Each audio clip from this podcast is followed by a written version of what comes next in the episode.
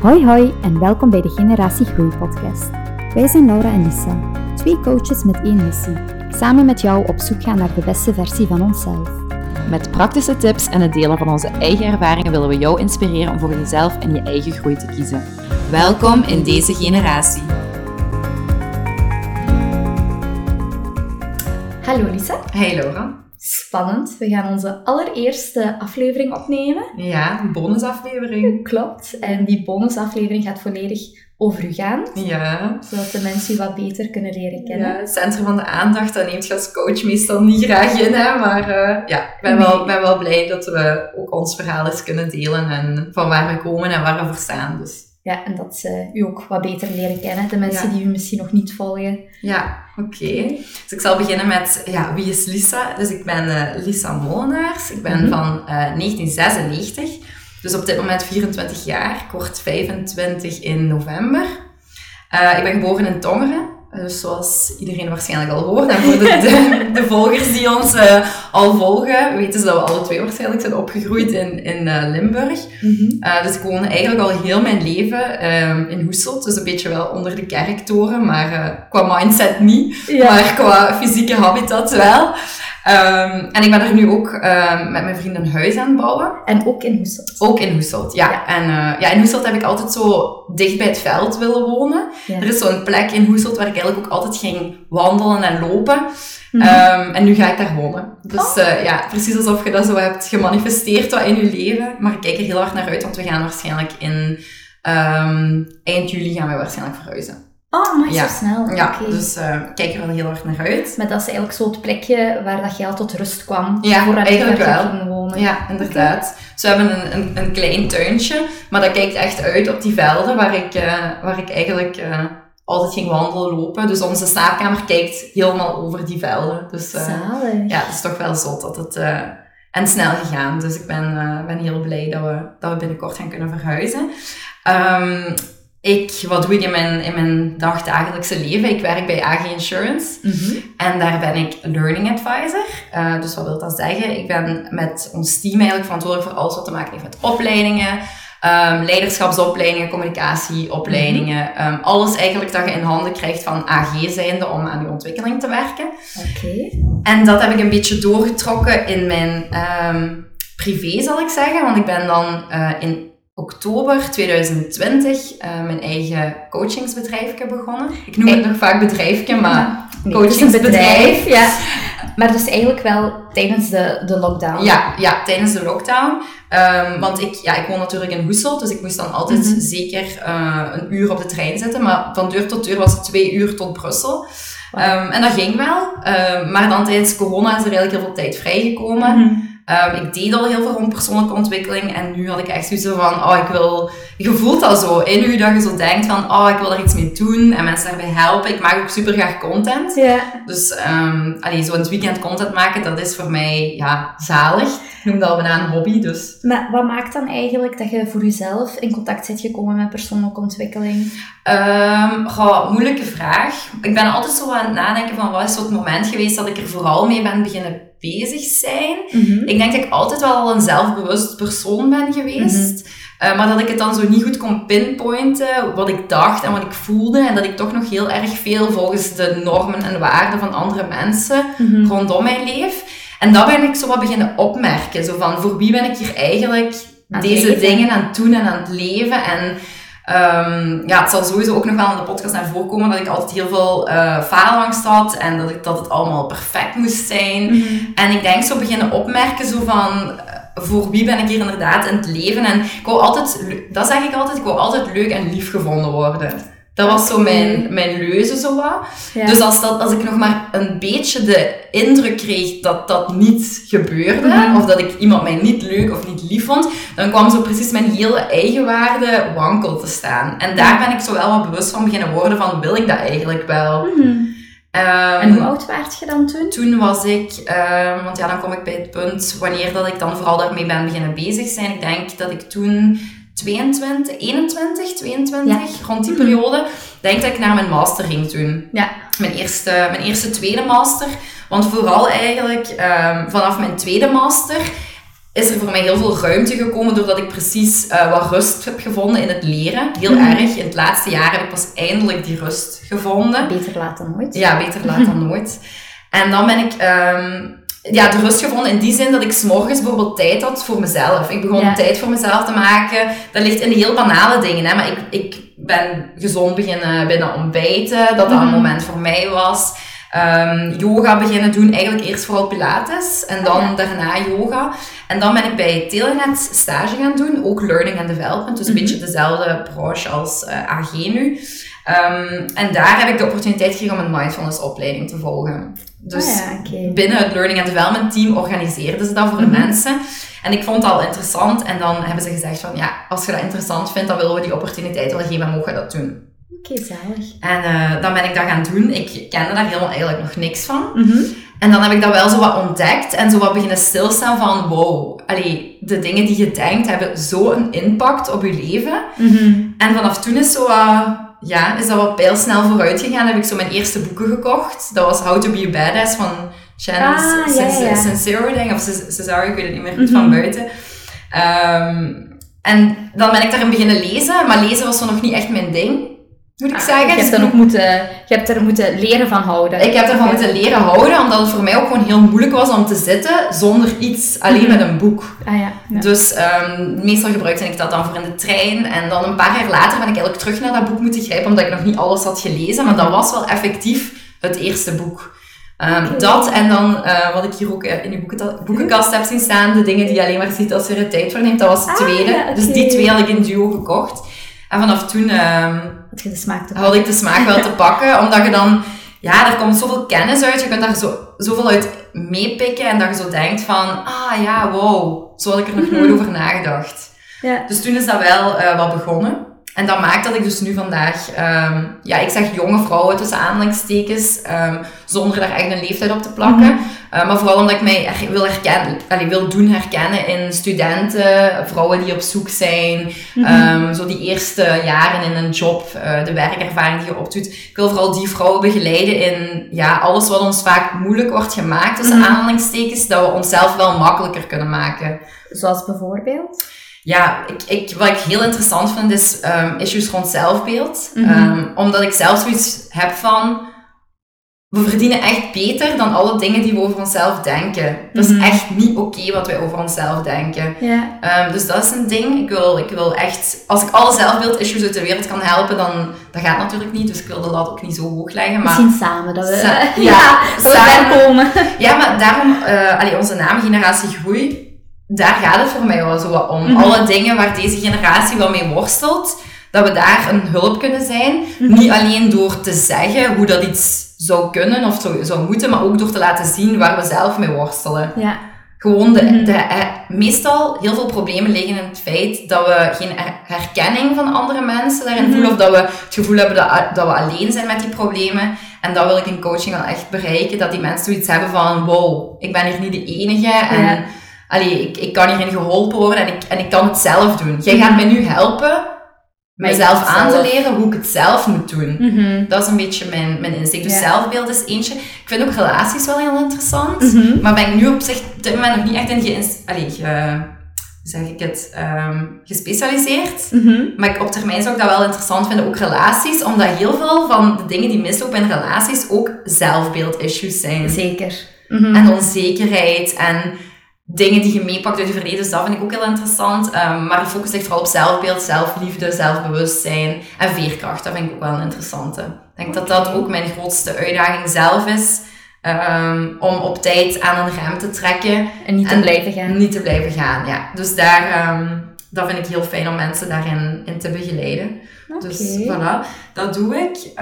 En je doet dat één op één en je hebt dan ook je opleidingen. Ja, ik doe dat één op één. En ik heb dan, ehm, ja, ook wat ik heel leuk vind, is cursussen maken. Mhm. Ik denk gewoon één op één, het contact vind ik heel leuk. En dan heb ik het stukje content maken, dat ik echt mensen die zoiets hebben van, goh ja, één op één zeg mij op dit moment nog niks. Uh, maar ik wil wel aan mezelf werken, dat er ook wel content is om dat te doen. Dus dan mhm. maak ik, wil ik eigenlijk in de toekomst uh, ook meer cursussen maken. Dus ik heb er nu in het afgelopen jaar uh, één gelanceerd en één masterclass rond mindfulness. En de cursus die ik gemaakt had is echt rond zelfvertrouwen. Maar vaak denken mensen rond zelfvertrouwen in de zin van, ah, dat is hoe ik eruit zie. En, mhm. en hoe dat andere mensen over mij denken. Um, maar voor, allee, eigenlijk is zelfvertrouwen de, um, de capaciteit om in jezelf te geloven. Het geloof mhm. dat je in jezelf hebt. Um, dat dingen goed gaan komen, dat je het goed gaat doen. En dat is ook een beetje de insteek van de cursus. Dat we focussen op dingen die je stress bezorgen. Hoe, daar, hoe je daar met veerkracht kunt mee omgaan. Dingen die je faalangst bezorgen. Hoe je daar eigenlijk met meer zelfvertrouwen mee kunt omgaan. En dingen waarover je piekert, dat je die meer kunt loslaten. Oké, super dus, interessant. Uh, ja, dat zijn de dingen die ik uh, met de Habit Mind doe. Dus AG als Learning and Development mm -hmm. Advisor en de Habit Mind is wel zo'n goede aanvulling op elkaar. Want bij AG doe je eerder grote projecten en, en bied, je een op, allez, bied je opleidingen aan mm -hmm. die mensen kunnen volgen. Uh, maar dan heb je zo niet dat één op één contact. Ja. En dat gaat waarschijnlijk misschien ook nog wel aan bod komen bij, bij u. Maar mm -hmm. jij was dan carrierpartner ja. bij AG. En dan heb je wel eerder dat één op één contact. contact. Ja. En dat miste ik wel bij AG dan. Mm Wat niet per se erg is. Ik ben dat dan gewoon ergens anders gaan creëren. Ja. Mhm. Dus, um, en dan in een topic dat ik ook heel interessant vind. Want bij, bij AG zou je niet over zelfbeeld gaan praten. Allee, dat komt misschien wel ergens aan de oppervlakte mm als je een één op één coaching hebt, maar je focust daar meestal op een, een communicatieprobleem of een, allee, dat je niet goed weet waar je naartoe wilt. Uh, Maar ik wil zo wel echt op zelfbeeld. Terwijl het eigenlijk wel heel mooi zou zijn als je ook in de bedrijven daar aandacht aan besteedt. Ja, ik zie wel dat het meer en meer gebeurt. Um, want wat vooral opmerkelijk was toen ik bij AG solliciteerde. Mhm. Ik heb ook mijn thesis over mindfulness geschreven. Lang verhaal, want ik was moeten switchen. En uiteindelijk heb ik dan die opleiding met Telenet kunnen doen. En heb ik de opportuniteit gekregen om een nieuw onderwerp te kiezen. En één was de impact van een mindfulness training. Dus dacht ik van, ja, dat kan geen toeval zijn dat dat meant to be. Ja, het is echt meant to be, dus heb ik dat gedaan. Uh, dus dat staat ook op mijn cv. En uh, bij AG zeiden ze toen, op mijn sollicitatie van... Um, ja, en zit je dan gepassioneerd daarvoor door mhm. mindfulness? En dan zei ik wel van... Uh, ja, eigenlijk wel. Daar ligt, ik voel er wel als ik daarover praat. Nu ook als ik er met u over praat, dan denk ik van... Oh ja, dat is zo'n kakkeltje dat gaat branden ja. of zo. Um, en dan hebben ze tegen mij gezegd van... Ja, maar bij AG gaan ze daar wel nog niet klaar voor zijn. Voor mindfulness en zo. Okay. En nu ondertussen ja, is er een uh, pandemie aan de gang. en um, is, is er heel veel veranderd op dat gebied. Staan mensen daar veel meer open, mental well-being, uw, uw, privébal, uw werk-privébalans is veel belangrijker geworden. En heb ik in um, december van 2020, dus toen was ik ook al begonnen met de Mind, een mindfulness training, uh, die mindfulness masterclass mogen geven bij AG. En uh, zaten daar ja toch 30 mensen. En die waren heel, heel enthousiast over het topic. En die hadden ook zoiets van, ik wil hier iets mee doen. Want het, het, is niet alleen iets dat u... Allee, dat is gewoon iets, dat is een skill die u in al uw gebieden mhm. van uw leven helpt. Werk, relaties. Alles, ja. Omdat dat eigenlijk een... Ja, dat is een metaskill eigenlijk. Waardoor je mhm. zo wat uit uw lichaam in een helikopterperspectief kunt kijken naar alles wat er aan het gebeuren is. Ja. En dus uh, nu merk ik inderdaad wel dat er meer en meer uh, draagvlak komt om het uh, bespreekbaar te maken, zo'n dingen. Er, is nog heel veel, er zijn nog heel veel sceptische mensen, maar dat is oké. Okay. Mm, moet groeien. Ja, voilà. Dus zeker als er veel weerstand is, als je openlijk weerstand uit erover, dan, dan ligt er meestal iets te rapen voor u. Ah, dus meestal bij die mensen dat ik, zo, dat ik echt actief disengagement voel, zal ik zeggen, dan denk ik al, dan zeg ik daar, ik ga die strijd niet aan, maar dan denk ik zo van, mm, er gaat misschien wel iets te rapen liggen voor u. Voor mensen die zoiets hebben van leven en laten leven en mhm. het is oké, dan denk ik van, oh, die, uh, het is oké. Die, die hebben zelf misschien al een manier gevonden om snel dingen van zich af te laten glijden ja. of zo. Ja, voilà, inderdaad. Ja. Dus voilà. En dan misschien uh, qua studies uh, is het misschien nog wel interessant om te zeggen. Want ik heb dan gezegd dat ik stage bij Telenet heb gedaan. Maar ik heb dan pedagogische wetenschappen gedaan in Leuven. Oké. Um, heel heftige periode geweest toch, denk ik. Als ik er nu wat aan terugdenk. Uh, want ik wou sowieso eigenlijk eerst niet naar Leuven. Ik denk dat veel mensen misschien ogen zouden opentrekken. Maar ik wou eigenlijk gewoon thuis blijven. Ik weet niet, ik zat daar, ik zat daar goed. Ah, je bent dus wel op kot gegaan. Ik ben op kot gegaan, Ja. omdat, ehm, ja, omdat ik dan wel dacht van ja, de hele tijd pendelen, dat is, dat is ook niet, Mhm. niet dat, want dan ga ik veel tijd verliezen, tussen aanhalingstekens, zei ik dan altijd. En dat was al heilig zo wat van, ah nee, ik moet productief zijn en leren. Dus ik was een heel plichtsbewuste student. Ehm goh ja, onpopulair misschien om te zeggen, maar ik kwam echt naar Leuven en daar was dan op maandag eh, een feestje op kot. Ah, ja. En voor mij was dat echt zo van, huh? Hoezo? Wat doen jullie? Ja, het is morgen toch les. Snap je? Dus daar wil ik dat veel mensen gaan denken van, oh god, she was not prepared.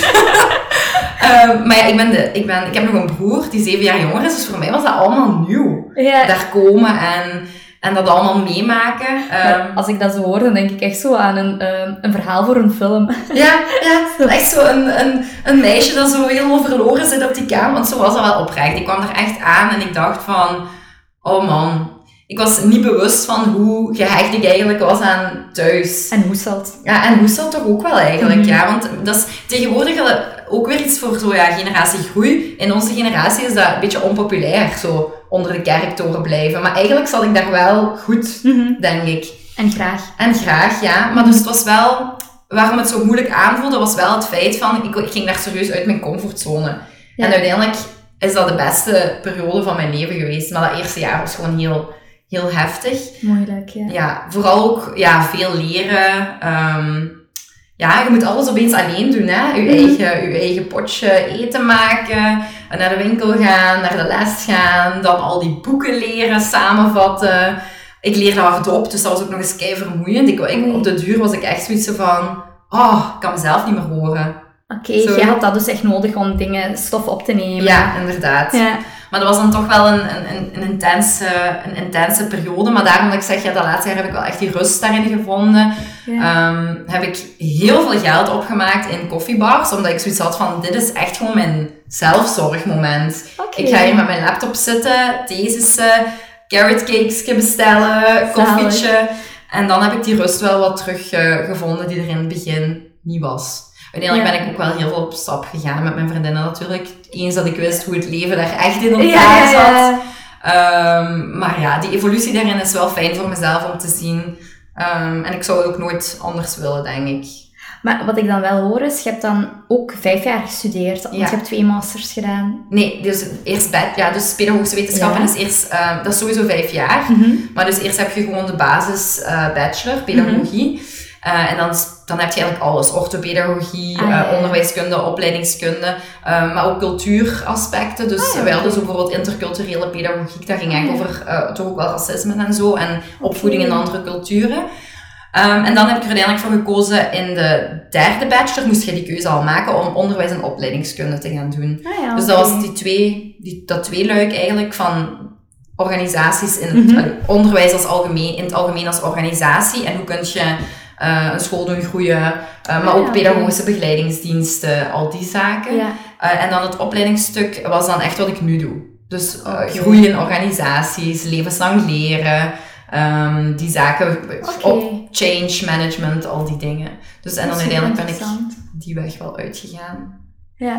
Dus voilà, dat is een beetje mijn studie Ja, achtergrond. want als je denkt aan pedagogie, dan denk je gewoon inderdaad van, ah, dat is iemand die met kinderen wilt werken. Ja. Allee, ja, dat is heel stereotypisch. Ja, ik heb meestal voeten. Ah, dat is iets met voeten, Ah, zeggen ze oei. dan. Maar dat is podologie. Ja. Maar dat is oké, voeten. En eh, kinderen. Maar ik zeg dan altijd van, ja, het is ook kinderen. Maar ehm, het is eigenlijk vooral leren in het algemeen. En dan Mhm. op alle niveaus. Op alle leeftijden.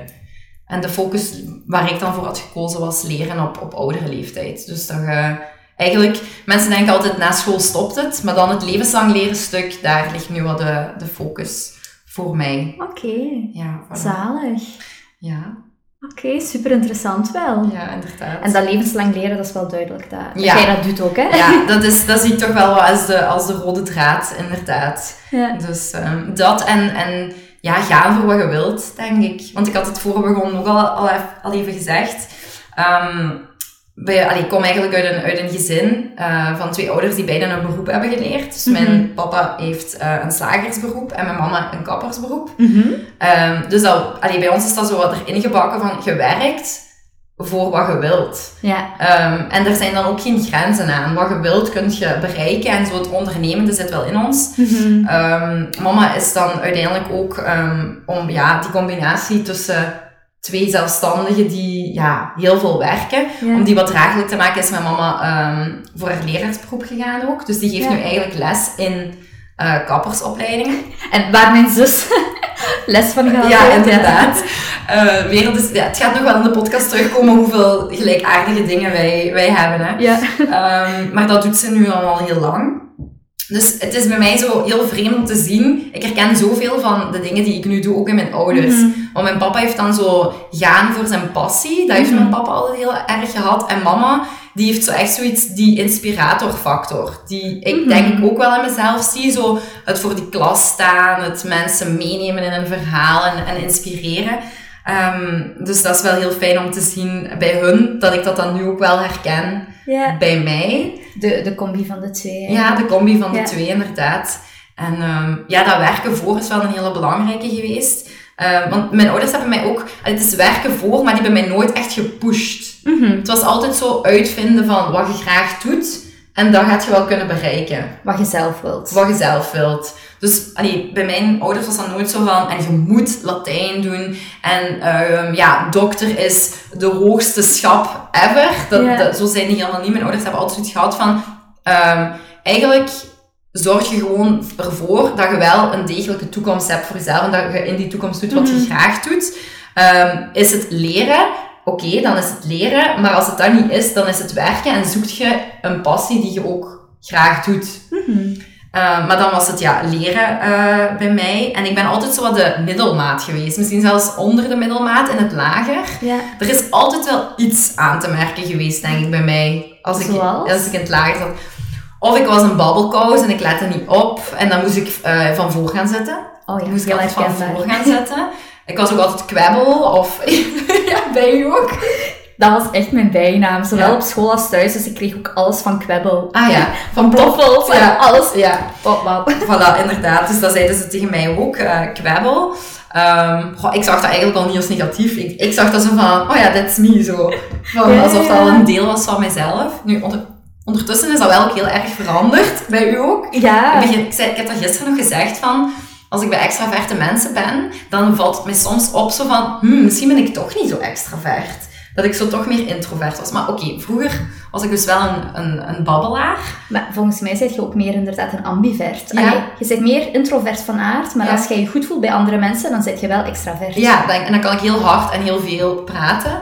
Ehm, maar dan inderdaad moet ik daarna ook wel die oplaadtijd hebben. Maar ja, vroeger, allee, dan is dat heel anders. hè. Mhm. Dan was het vooral al die extraversie die, er, die eruit kwam. En eh, dus er was altijd iets aan te merken, dat kwebbel. Of dan had ik concentratieproblemen. eh, of dan was ik niet goed in wiskunde. Dan had ik dat inzicht niet. Ehm, ja, het, het was eigenlijk altijd wel iets. Maar waar ik wel altijd goed in was, was voor de klas staan. Dat, deed, ik, dat deed ik wel heel Presentaties geven. presentaties geven, spreekbeurten geven, dus dat deed ik, deed ik wel heel graag. Eh, Knutselen en zo. Dus dat creatieve eh, zat er wel altijd in, maar in ieder geval, er was altijd wel toch iets Mhm. dat niet goed was. Dus Ja. bij mij zit dat er precies ook zo wel wat ingeprogrammeerd, zo altijd die plus en die min. Mhm. Dus daar moet ik zo wel heel hard aan werken van, soms is het gewoon goed. Zoals moet- het is. Jo- Zoals het is. Je moet niet altijd, het is niet omdat er altijd iemand commentaar had, dat jij dat nu ook in jezelf moet zoeken. Dus daar Mhm. Moet ik zo wel wat aan, eh, aan werken. Dat is zo dat steeds willen verbeteren van jezelf. Ja. Allee, dat kan op een gezonde manier inderdaad, Ja. maar dat je daar soms niet te ver in gaat. Ja, soms kun je daar in, in, in de extreme gaan, inderdaad. En dan allee, ze- zoeken naar dingen die er, die er eigenlijk niet zijn, terwijl het is gewoon goed. En dan maak je soms dingen zo heel zwaar. Mhm. Dus dat probeer ik, eh, ik probeer het zo wat lichter te maken tegenwoordig. Maar ja, dat, ik denk dat dat wel ergens komt van dat er altijd wel iets op aan te merken was. Maar mijn ouders hadden dan ook altijd zoiets van... Oké, ja, concentratieproblemen, dus goed, we zullen een test gaan doen. Hè. En dan bleek dat dat, dat helemaal niet zo was. En dan hebben ze daar wel ook altijd heel open over gepraat. Van, het is echt goed gelijk, eh, gelijk je zei. Oh, gelukkig. Ja, en dan hebben ze de lat voor mezelf ook, je kunt zeggen, misschien niet hoog gelegd, maar Mhm. eerder gewoon dat ik zelf kon bepalen waar de lat lag. Mhm. En dat je niet liet beperken door wat dat ze zeiden. Ja, voilà. Dus sowieso eh, mensen die dan de lat laag legden voor Mhm. mij, maar evenzeer ook mensen die de lat hoog legden. En ik kreeg de opportuniteit eigenlijk, ik moest dan zo wat zelf ontdekken waar hem lag. Ehm, dus ze hebben bij mij eh, dan ook gezegd in het zesde middelbaar van... ja, ik denk dat het beter is dat je technische gaat doen. En wij hadden, ik, allee, thuis hadden wij echt zoiets van, oké, dat is goed. Mhm. Want mijn ouders hebben zelf niet verder gestudeerd. Hè. Dus die hadden zoiets zo van, zolang ze zich goed voelt en doet wat ze kan en dat er niet te veel druk wordt opgelegd, zijn we eigenlijk tevreden. Ja. Ehm, en dan ben ik dat ook gewoon gaan doen. Dan ben ik sociaal-technische vaardigheden gaan doen. Dat ik op elke vrijdag koken. Ik deed dat kei graag. Zalig ook, Ja, dat je was- leert. Ja, voilà. Dus ik zat daar, ik bloeide daar ook wel wat open, want dat was een, een nieuwe school. Ik heb daar nieuwe vriendinnen leren kennen. Oké. Ehm, en ik denk misschien die combinatie van alles maakte dat ik opeens goede punten had. Oké. Dat ik zo heel rustig was. Ja, op uw plek. Nieuwe, nieuwe leerkrachten waar je van nul bij kon beginnen. Ehm, en dus ik had kei goede punten. Te goed eigenlijk voor daar op, op, op technische, technische te zitten. Dus ja, ik denk vooral dat dat komt hard werken, veel leren, dat ik een Mhm. leermentaliteit had aangekweekt. Ehm, en dan ben ik uiteindelijk heb ik de opportuniteit gekregen om van mijn eerste middelbaar naar het tweede naar moderne talen te gaan. Ja. En dat is wel een stap die denk ik zo heel bepalend is geweest in mijn leven. Want door dat te doen zijn er opeens zoveel mogelijkheden voor mij gekomen. Heb ik dan mijn ASO-diploma gehaald, ben ik UNIF gaan doen. Terwijl ze toen opnieuw, echt opnieuw, dat ik in die aula zat. eh, bij de kennismaking van wat Mhm. is pedagogiek. En dat die prof zei van ja, ehm 50% van de mensen die begint eh, geraakt niet door. En, zei hij, als je humanen hebt gedaan, is je kans op slagen zeer laag. En ik keek toen echt zo naar mijn mama van, allee, gaan die dat nu weer opnieuw doen? Ja, En we hadden toen echt zoiets van, ja, kijk, eh, dan ben ik maar die uitzondering. maar dat kan wel ehm, ja, als voeding werken ook, hè? Ja. Van jezelf te willen bewijzen. Ja. Ik zal u eens laten zien of ik het kan of niet. Dat heb ik al, op alle momenten dat het moeilijk ging, heb ik altijd gedacht aan de leerkrachten dan die in het zesde zeiden van, Mhm. je gaat dat niet kunnen. Altijd zo van, en ik zal je eens laten zien dat het Mhm. wel kan. Ja, Maar ja, dat is ook de valkuil, want op die momenten dat je wel echt voelt dat het niet aan het lukken is, creëert dat heel stress. Zo van, oh nee, ik ben aan het, ik ben aan het falen. ik ben ze gelijk aan het geven. Ik ben ze gelijk aan het geven. Mhm. Ja. Dus, maar het is eind goed al, allee, het is, het is goed gekomen. Ja. Eh, maar ik denk toch dat dat interessant is om te weten. Dat heeft, zeker als we over nog dingen in de podcast gaan praten, heeft wel een hele impact gehad op ja, hoe ik nu ook in het leven sta. Ja, want zeker, jij werkt heel veel rond hè, wat andere mensen van u denken en hoe je dat kunt Ja. loslaten. Maar je hebt het ook gewoon zelf zo vaak meegemaakt. Ja. De anderen zeiden van, "Mm, je gaat dat toch niet kunnen? Nee. Of nee, Lisa, dat Ja. gaat niet lukken. Dus Ja. ik snap wel waarom dat, dat voor u ook zo'n thema is Ja, dat is geworden. waar. Nu dat jij dat zo zegt, ehm, heb ik er nog nooit... Allee, dat is inderdaad een groot thema bij mij, maar ik had er nooit echt bij nagedacht dat dat echt kwam van door wat ik zelf heb ervaren. Ja. Eh, maar dat is zo'n beetje, ja, waar een wil is, is een, is een weg, heb ik nu Mhm. heel hard. Van, jij gaat mij echt niet vertellen Wat ik wel wat of ik wel niet of kan. niet kan. Mhm. Dus eh, dat laat misschien mis- mooi de overgang naar eh, bepaalde overtuigingen die ik heb, die ik probeer ook in de coaching te brengen. Want ik heb er Mhm. eentje die daar eigenlijk heel mooi bij aansluit. Wacht even kijken, want ik had het hier opgeschreven. Ah ja, the one who believes he can and the one who doesn't are both right. Oké, dat is gelijkaardig bij Henry Ford. Ja, dat is van, ah, dat is van hem. Ah, ja. ja, ja, Ja, ik denk dat ik het misschien niet helemaal hetzelfde zeg, maar Ja, het is, de die- boodschap. Het is de boodschap. Ik denk dat die, dat is een mooie afsluiting van wat ik daarnet zei. Ehm allee, mensen die je zeggen dat je het niet kunt, en jij gaat dat geloven, die gaan ook gelijk. Je gaat jezelf gelijk Mhm. geven eigenlijk. Want je gaat je best zelfs niet meer doen. Nee, inderdaad. Terwijl als jij ervan uitgaat dat het je wel lukt, de kans dat het ook effectief lukt is groot, omdat je acties gaat nemen die gaan leiden tot je succes eigenlijk. Ja. Dus dat is een van, van de belangrijke, allee, toch wel één belangrijke voor mij. Ik had hem op drie gezet, ehm, maar hij sluit nu hier toch al Ja. mooi bij aan. Ja, het is inderdaad, allee, wat je net verteld hebt, dat komt volledig overeen Ja. met, met die Ja, quote eigenlijk. inderdaad. Gewoon Ja. doen wat je zelf wilt en in jezelf geloven. Echt dat zelf, zelfvertrouwen. Ja. Dus, ehm, en dan had ik op één. ehm, als je doet wat je altijd deed, dan krijg je wat je altijd kreeg. Einstein? Oh, ik zou het niet meer weten. Ah ja, oké. Dat kan, dat Maar, kan goed eh, zijn. Het is ook weer een diaar, maar ja, ja, ja, klopt. Dat is een beetje, toch wel wat gelinkt aan mindfulness. Ik heb veel coaches die ook komen en denken van, ik heb niet het gevoel dat het anders kan. Mhm, Ik denk dat ik dit voor heel mijn leven zo ga moeten voelen. mhm. Ik denk dat ik heel mijn leven op zo'n manier onzeker ga moeten zijn. Ik denk dat ik dit altijd ga meemaken in mijn relaties. Ik denk dat ik nooit voor mezelf ga kunnen kiezen. Ja, voilà. Terwijl eigenlijk, um, allee, ik ben er dan om te zeggen van, oh my god, jawel, kom op. En dan probeer ik echt aan te zien van, jij kunt wel veranderen als je dat voor jezelf wilt. Maar als je gaat doen wat je altijd hebt gedaan, dan gaat je die verandering nooit voor jezelf mogelijk maken. Mhm. Dus ja. En dat zijn ook weer alleen een link naar uw naam dan. Habits Mind, hè, de habits. Ja, voilà. Want ik heb inderdaad niet gezegd um, hoe mijn coachingsbedrijf noemt. Maar... Je hebt het maar één keer vermeld, maar echt zo... Nee, inderdaad. Dus ja, de Habit Mind inderdaad. Um, je bent zo gewoon van de dingen te doen dat je je... Als je jezelf niet in vraag stelt, dan gaat je zo blijven doen. Mm Dus het is door in coaching te gaan, of aan jezelf te werken, of een cursus te kopen, of een boek te lezen, uh, of yoga te doen, of, of, meditaties te doen, dat je eigenlijk pas een extra zelfbewustzijnslaag mm kunt creëren om te, te ontdekken van, hoe doe ik het eigenlijk al altijd? En wil ik dat eigenlijk nog wel? Want we weten meestal wel dat we het anders willen, maar we zijn vaak niet bereid om na te denken over hoe we het al altijd hebben gedaan. Of ook niet Allee, vaak weten we ook gewoon niet hoe we het dan wel willen. Ja, inderdaad. Dus allee, coaches hebben echt zoiets van, zeg mij hoe ik het moet doen. Mhm. Want ik, ik weet het niet, ik wil het zo, maar de weg van nu naar Mhm. toekomst is dan zo allee, niet uitgestippeld. En ja, daar ligt ook een beetje de kracht. Hè. Ik ga het niet voor u uitstippelen. We gaan het samen doen, en, maar de weg wordt wel door u Ja. Wat bepaald. Als zij niks veranderen, dan kan er eh, niks veranderen Nee, in leven. inderdaad. Ja. Dus dat is een heel belangrijke. Oké. voor mij. Ehm, en dan de tweede, want de derde had ik al gezegd dan, om van jezelf te houden moet je eerst jezelf zijn. En ik weet eigenlijk niet of dat van een naam is, alleen van een, van een bepaald persoon is. Ja. Ehm, maar ja, om van jezelf te houden moet je eerst jezelf zijn. Ik denk dat die misschien heel erg goed bij mij uit aansluit als ik zei van, eh, ja, je hebt altijd gedaan wat de mensen van u Mhm. verwachten.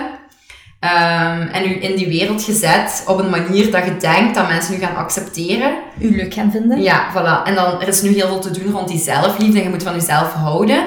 Maar er is vaak heel weinig te doen rond, ehm, om van jezelf te houden, moet je ook wel eerst weten wie je is, allee, ontdekken wie je bent. Mhm. Wat je zelf leuk vindt. Ja. Wat je zelf wil. Waar je voor staat. Allee, Mhm. deze quotes opschrijven, dat, dat gaat al diep, dat je zo voor jezelf weet Mhm. van, hier sta ik voor, dit geloof ik, Ja. dit zijn overtuigingen die ik liefst ook zou willen dat iedereen weet of, of naartoe leeft. Mhm. Ehm, dus die, dat is ook een beetje coaching, hè? De, de zoektocht naar jezelf. En ik denk dat dat nooit eindigt. Ik denk Nee, dat je klopt. altijd zo leert om meer van jezelf te houden, naarmate je zo meer jezelf leert kennen. Dat is een proces. Ja, Allee, je gaat nog altijd momenten hebben dat je opeens denkt van...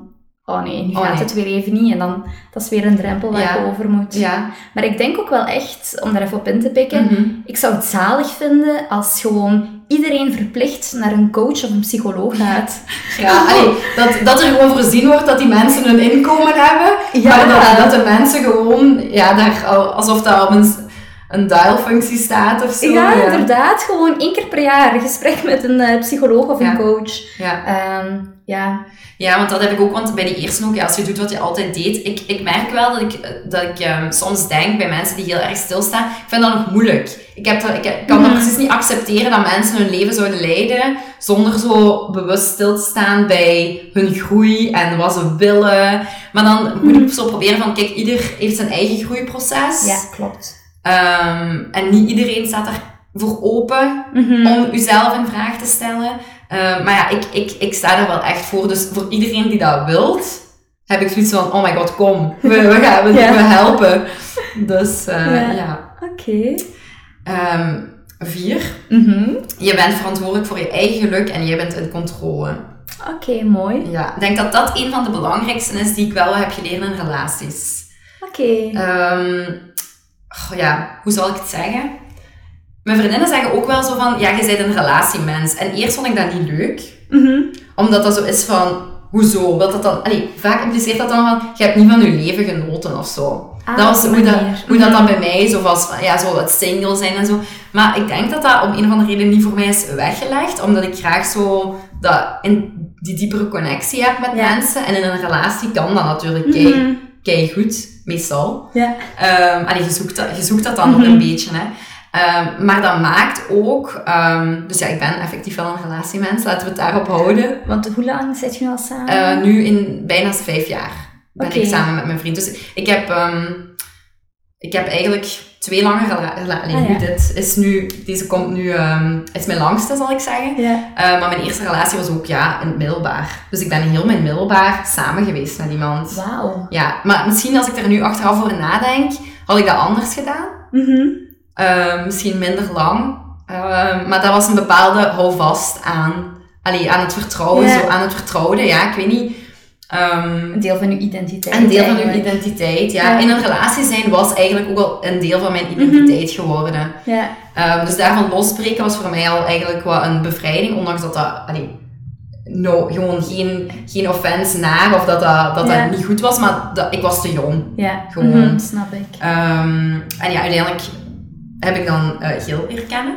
Ehm, ben ik dan nu al vijf jaar mee samen. En ik vind dat heel fijn dat je kunt groeien ook in, als koppel. Mhm. Want ik denk in het begin, en daar verwijst de quote eigenlijk naar, eh, was het voor mij heel erg zoeken eh, naar hoe zijt je eigenlijk gelukkig in een relatie. Ja, oké. Want doordat je een relatiemens zijt, denk ik dat de valkuil is dat je ook heel veel van je geluk in het handen van andere mensen legt. Mhm. En dat deed ik. En zeker als je iemand bent die ehm, inderdaad wilt leuk gevonden worden, dan gaat je ook gewoon Ja. heel snel aanpassen aan je partner. Ja, ja inderdaad. Als ik, als ik het gevoel krijg van dat er iets niet juist zit of zo, of iets Mhm. stroef, dan was ik zo de persoon ook... Allee, je, je vermomt dat onder het motto Mhm. zo van, ah ja, maar ik wil dingen bespreekbaar maken. En ik, heb er nu, ik ben nu echt erachter gekomen van, nee, je wilt geen dingen bespreekbaar maken, je wilt gewoon bevestiging krijgen. Oké, Snap ja. je? Mhm, zeker. Ehm, dus en door die zin eigenlijk, jij zit verantwoordelijk voor je eigen geluk, ehm, staat je zoveel rustiger in een relatie, Mhm. zoveel gelukkiger ook, omdat uw stemming niet constant afhankelijk is van iemand anders. Ja. Mhm. Ik ben zo wat beginnen zien van, oké, ik ben een relatiemens en ik haal heel veel voldoening uit mijn relatie, Mhm. maar we zijn wel nog steeds gewoon twee Individuen. individuen. Mhm. En niet mijn other half. Of, eh, ik zeg dat soms van... ehm, allee, ik ben daar dan zo van overtuigd. En dan als ik bijvoorbeeld gelofte hoor, waarin, in, waarin iemand zegt van... Jij, voor allee, jij bent mijn tweede, mijn andere helft Ah, of zo. ja. Dan kan ik soms tegen Geel zeggen van... "Oh, klopt niet. dat klopt niet. Zo, en dan zegt hij zo van... Ja, oké, maar je hoeft niet al het romantische eruit te halen. Hè. Ja. Soms is het ook gewoon Mooi. Ja. mooi. Maar inderdaad, ja. Maar iemand heeft me ooit eens gezegd van, kijk, jij bent eigenlijk verantwoordelijk voor de taart en uw partner is gewoon de kerst op de taart. Amai. En dat is mij altijd bijgebleven en dat is ook zo. Jij moet je eigen taart bakken, zeg het Oh maar. my god, ja. En uw partner is gewoon de kerst op de taart. Dat is eigenlijk een heel mooie. Ja, ja dat is exact dat. Ja? Jij zit in controle, iemand anders gaat die taart niet voor je bakken. Nee, Dat is klopt. het eigenlijk. Ja, voilà. Dus dat is een beetje de vierde. En dan heb je zo ineens dat stuk. Ja, dat Ja. vind ik dan heel interessant in relaties, omdat ik gewoon zie bij mezelf hoe ik daarin ben gegroeid. Mhm, snap ik, Ehm, ja. En dat je die rust eigenlijk zo wat kunt vinden in je relatie. Mhm, En jezelf ook. ja. Dus dat was ehm, vier. En dan heb ik nog eh, vijf. Ehm, de laatste. Ehm, veel mensen, allee, het, is niet echt een quote, hè, maar de, de gedachtegang die ik wel interessant vind is, veel mensen in een ruzie ook kunnen zo zeggen tegen een ander van, wat is er mis met u? Echt zo de, what's wrong with you? Ah, Maar eigenlijk eh, zijn wij als mens soms in ruzies of, of ja, in het algemeen in het leven heel, ehm, soms te, te weinig Mhm. empathisch, dat we ons eigenlijk niet kunnen inleven in waarom die persoon zo reageert. Mhm, Dus in plaats van te zeggen van what's wrong with you, dat je eigenlijk zegt van what happened to you. mhm. Zo van van waar komt het dat je eigenlijk op deze manier je in de wereld zet, dat je op deze manier reageert. En dat, daar zit een stukje verdraagzaamheid in, dat ik wel Mhm. belangrijk vind. Dat je mensen gewoon in hun waarde laat en ergens probeert te zien van, alleen niet dat je altijd zo moet diep graven, hè, dat bedoel ik helemaal niet. Maar als je echt zoiets hebt van, ehm, dat, je, dat iemand iets heeft gedaan waarbij je dan de reactie hebt van, Mhm. what's wrong with you, dat je eigenlijk probeert in te zien van, oké, dat komt wel van ergens, dat die Mhm. persoon dat doet. En dan kom je weer bij dat groeiproces. Ja. En dan is het eerder vanuit medeleven en niet meer Ja. een aanval op de persoon. Ja, dat je Ja. eigenlijk in plaats van hè, de vraag te, zo te roepen of, of kwaad te worden van ja, wat is er mis met u, dat je u de vraag stelt van hoe komt het dat je zo reageert? Mhm. Ja. Van, wat heeft u hier nu in getriggerd? Die vraag stellen we nooit, hè? We, Ja. we staan eigenlijk nooit stil bij triggers. Terwijl als je daarbij zou stilstaan wat u triggert in mensen of in dingen, Mhm. dan zet je zo de eerste stap bij uitzoeken hoe je ermee moet omgaan. En op een andere manier. Ja, en op een andere manier. Ja, dat is wel een mooie. Wat ik mij dan wel afvraag is, er moet toch ook een limiet zijn. Hè? Allee, ik bedoel, ehm, wat ik zie bij mijn coaches bijvoorbeeld, Ja. is dat sommigen zoveel begrip hebben voor hun partner. Ah ja. Dat ze bepaald gedrag gaan accepteren, wat Mhm. eigenlijk niet meer acceptabel is. Nee. Gewoon omdat ze zich zo goed kunnen inleven van, maar Ocharem heeft Mm. dit meegemaakt. Mm. Waar trekt je dan de grens? Ik denk, eh, als, je daar, als je daar te ver in gaat, is dat eigenlijk omdat je jezelf, je eigen grenzen niet kent. Mhm. Je weet eigenlijk niet... Dus, en dat, dat is die zin, hè, om van jezelf te houden, moet je eerst jezelf zijn. Mhm. Als je niet weet van jezelf waar je grenzen liggen, Mhm. Ehm, dan gaat je ze niet kunnen trekken en kun je eigenlijk ook niet van jezelf houden. En je toont ook niet aan andere mensen hoe zij van u moeten houden. Niet? Ja, dat is grappig, want ik heb die ook als overtuiging opgeschreven. Ah, Oké. Ja. Ja, dus allee, ik denk dat daar, daar ligt de, de sterkte in, dat je wel jezelf ehm, leert kennen. En ik heb daar met, met een coachie ook, met een coach een, een interessant gesprek over gehad. Wanneer is het echt een grens en wanneer is het een ide- ideaalbeeld? Ik, Mm. ik merk zo in, in onze generatie ook, zeker als het komt op relaties, hebben we zo hoge verwachtingen. We streven Ja. zo'n ideaalbeeld na. Ehm, en dan is het heel makkelijk om ruzie te maken om dat ideaalbeeld na te streven. Terwijl Mhm. bijvoorbeeld een stom voorbeeld is, als, als uw partner eh, lastig thuiskomt, ja, dan in plaats van dan naar u te trekken en zeggen van, what's wrong with you? Oei, wat is er vandaag gebeurd waardoor je zo thuiskomt? Mhm. Maar natuurlijk, als die partner dat uitwerkt op u op de meest lelijke manieren, ja, dan is dat clearly een grens Mhm. Ehm, maar al, als, als jij het gevoel hebt van, oké, voor mij is er eigenlijk niet echt iets dat mij heeft geraakt op dit moment. Die partner komt gewoon Mhm. een beetje lastig thuis, dan kun je zeggen van oké, nu misschien niet en dan, dan praten we er een andere keer over. Maar inderdaad, als je merkt van dit voelt niet oké hoe jij nu reageert, Mhm. dan kun je dat zeker wel, vind ik, verwoorden en uitspreken. Maar dan moet, daar moet je heel veel eh, vertrouwen, Zelfinzicht ook. zelfinzicht, ja. En Ja. vertrouwen in jezelf hebben dat, dat je dat kunt zeggen. Ja. Het kan wel interessant zijn om daar eens een aflevering over Ja, op te nemen. kijk goed. Ik Ja. denk nog heel veel, eh, Ja. heel veel interessante topics. Ja. Nee, maar dat waren een beetje mijn vijf overtuigingen. Dus ik hoop dat dat een beetje een duidelijk verhaal was van wie ik ben, wat ik doe Ja. en ja, toch wel zo'n beetje waar ik voor sta. Ik heb nog heel veel andere favoriete quotes, maar deze waren het eerste die mij, in mij opkwamen. Dus Dan waren ze goed gekozen. ja, voilà. Oké. Merci om zo goed op mij in te pikken. Dat was echt een heel leuk gesprek. Ja, ik heb zelf nog dingen van u ontdekt die ik nog niet wist. Ah is ja, leuk. ik ook van u. Dus Ja. het ging eigenlijk over mij. Dus Ja, is kwebbel. Ja, alle twee. Ja, hadden het de Kwebbel-podcast kunnen noemen. Oh ja. Oké. Maar waar kunnen de mensen u dus nog vinden?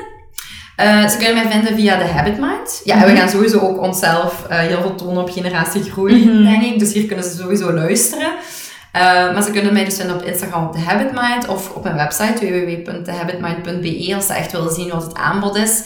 Ehm, maar ik probeer de Instagram-pagina zo laagdrempelig mogelijk te maken, dat iedereen er altijd wel tips kan uithalen. Ehm probeer daar ook wel wat kwetsbaar te zijn, dat het niet altijd roze geur en maneschijn is. Mhm. Ehm, dus daar gaan ze denk ik veel van mij kunnen zien. Oké, super. Ehm, ja, dat was onze eerste aflevering. Bonusmodule. Ja, en ik bedacht me net, we hebben niet afgesproken hoe we dit gaan afronden. Nee. Dus, beste Bedankt. luisteraars, heel cliché. Ehm, als jullie het willen delen, deze aflevering, en wat reclame voor ons zouden maken, zou het heel leuk zijn. En wij gaan nog een manier bedenken hoe dat wij... De volgende podcast gaan afsluiten. Ja, super. Tot de volgende!